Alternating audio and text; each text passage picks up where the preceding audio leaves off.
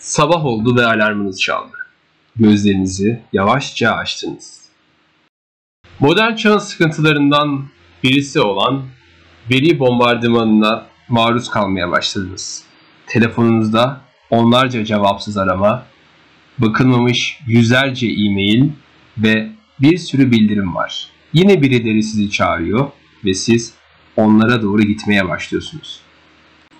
Zaten şimdiye kadar hayatınız nasıl geçti ki? Sürekli birileri sizi çağırdı, sürekli yapmanız gereken işler oldu. Kendinizle yalnız kalamadan, kendinizi tanıyamadan bu yaşınıza kadar geldiniz. Her gün bir sonraki günü, bir sonraki zamanı, geleceği düşünmekten, kendi yaşamış olduğunuz şimdiye hiçbir zaman tam anlamıyla odaklanamadınız. Neyse ki 10 yıllar boyu borçlanarak bir ev ve bir araba alabildiniz. Müstakil evinizin kapısından dışarı çıktığınız zaman posta kutunuzda bir mesaj olduğunu gördünüz. Büyük bir heyecanla, şaka yapıyorum tabii ki büyük bir heyecanla açmadınız. Normal bir şekilde posta kutunuzu açtınız. Klasik fatura veyahut herhangi bir tanıtım broşürü beklerken aslında hiç tahmin etmediğiniz bir şey çıktı. Önce hummalı bir gürültü duydunuz. Ondan sonra hatırladığınız ise hiçbir şey. Evet şu an öldünüz. Ölmüş olmak nasıl bir his şimdi size anlatamayacağım. Lakin sizin hissettiğiniz biraz sinir ve büyükçe de merak.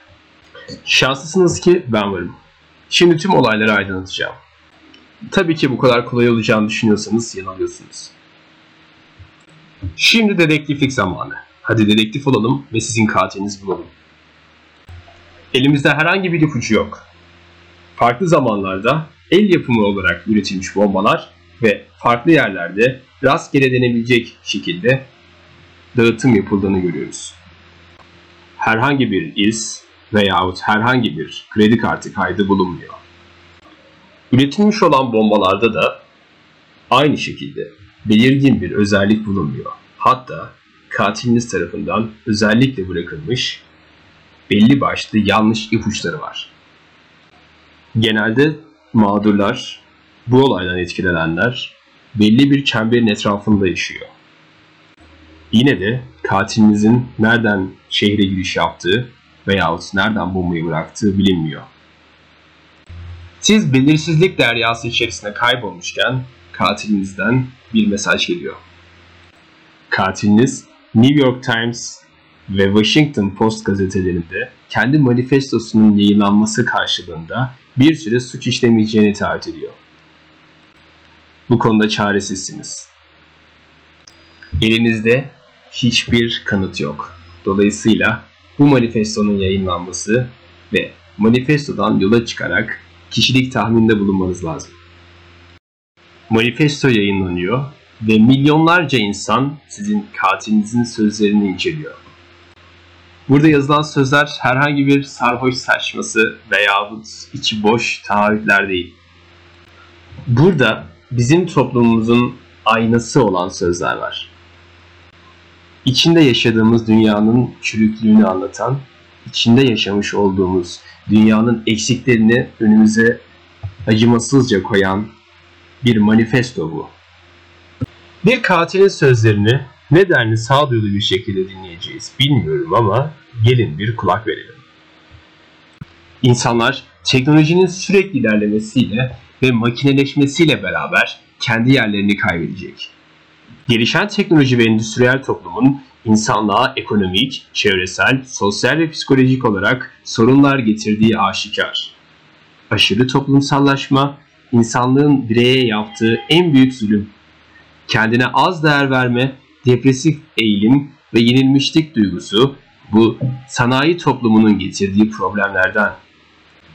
Bir toplumda var olan kişisel özgürlüğün derecesi o toplumdaki kanunlar veyahut yönetim biçiminden çok toplumun ekonomik ve teknolojik yapısına bağlıdır.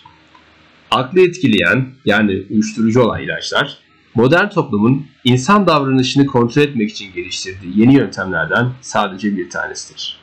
Eğlence, modern insana önemli bir kaçış aracı sağlar. İnsan televizyona, videoya vesaire Bu tarz içeriklere gömülmüşken stresi, endişeyi, hayal kırıklığını ve tatminsizliğini unutabilir. Bir nevi uyuşturulmuş olur.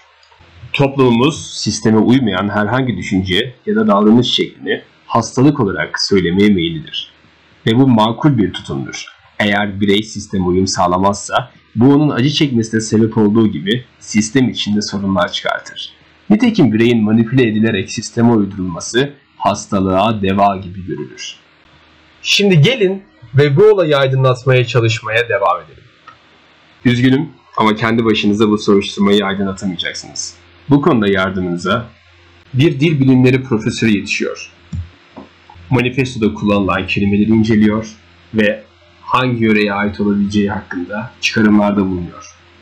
Yine şanslısınız daha önceden böyle bir soruşturma yöntemi yapılmamış veyahut delil olarak kabul edilmemiş.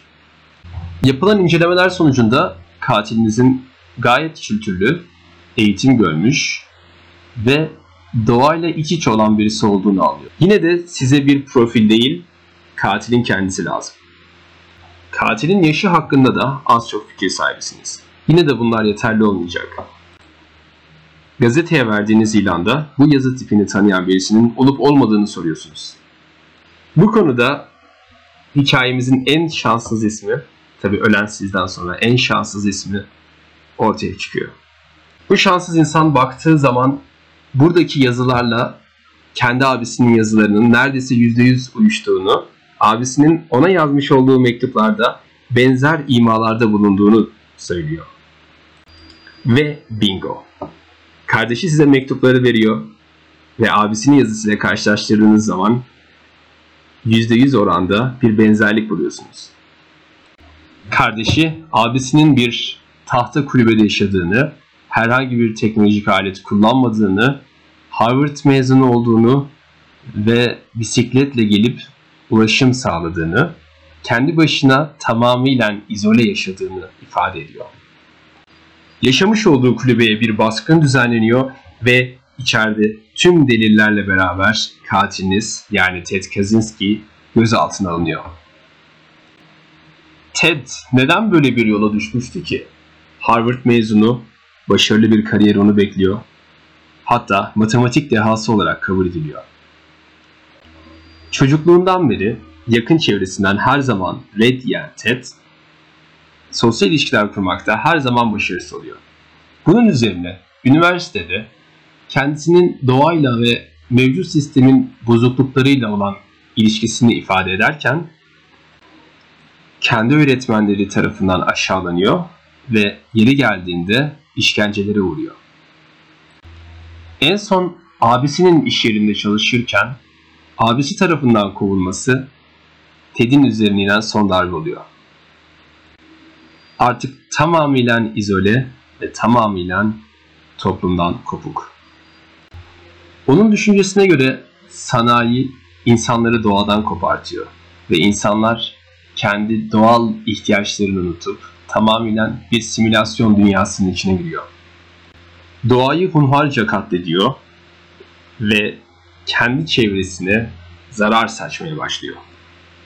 İnsanlar kendi içgüdülerini, kendi zevklerini, kendi hayat heyecanlarını bir kenara bırakıp bir dişlinin parçası haline geliyor. Kendisini ifade edebileceği tek yön olarak şiddeti bulan Ted, kendi manifestolarını yayınlatmak için toplamda 3'ten fazla insanı öldürüp 30 kadar insanı da yaralıyor. Aslında baktığımız zaman toplumdan dışlanmışlığın, toplumun kendi dinamiklerine uymayışın ve kendi başına yalnız kalmışlığın deliliğini yaşıyor. Her şeye rağmen Ted kendi yaptıklarının arkasında. TED manifestolarıyla milyonlara ulaşıyor ve insanlar TED'in eylemlerini onaylamasılar dahi düşüncelerine saygı göstermeye başlıyor. TED'in peşinde olan polisler de dahil olmak üzere esasında kendi savunduğu gerçekliğin bir oranda insanlar için ne kadar pratik olmasa dahi teoride doğru olduğuna ve insanların bu konuda düzenlemeler yapmaları gerektiğine inanıyor. Ted hakkında idam cezası isteniyor. Bu durumda ise Ted'in avukatı Ted'in akli dengelerinin yerinde olmadığını öne sürerek Ted'i bu cezadan alıkoymaya çalışıyor. Buna karşılık ise Ted böyle bir durumda kendi manifestosunun yazmış olduğu kitapların ve kendi düşüncelerinin sahipsiz kalacağını ve insanların asılsız, deli saçması düşünce olarak göreceğini düşünüyor ve yaptığı suçları mahkemede itiraf ediyor. Bir mağdur olarak sizin nasıl bir tepki vereceğinizi bilmiyorum. Lakin diğer mağdurların yakınları Ted'in idam cezasına çarptırmasından ziyade şartlı tahliye olmaksızın hapiste kalmasını istedi. Ted şu an hapishanede ve Ted'in yaşadığı, kendi inşa ettiği herhangi bir sistem olmadan hayatını idame ettirdiği kulübesi ise bir müzede sergileniyor. Ve Ted'in hikayesi böyle bitiyor. Aslına bakmış olduğumuz zaman çok yönlü, çok farklı bir karakter. Bir yandan insan söyledikleri doğru kelimelere sempati duyarken bir yandan da yapmış olduğu cinayetlerin, işlemiş olduğu cinayetlerin vahşeti altında eziliyor. Esasında diğer katillerin aksine Ted, kendi öldürmüş olduğu kurbanlarından herhangi bir parçayı hatıra olarak almıyor veyahut herhangi bir kurbanını kendi gözleriyle görüyor. Burada baktığımız zaman da aslında Ted'in öldürmeyi zevk almaktan ziyade kendini hastalıklı bir şekilde ifade etme yolu olarak tuttuğunu görüyoruz.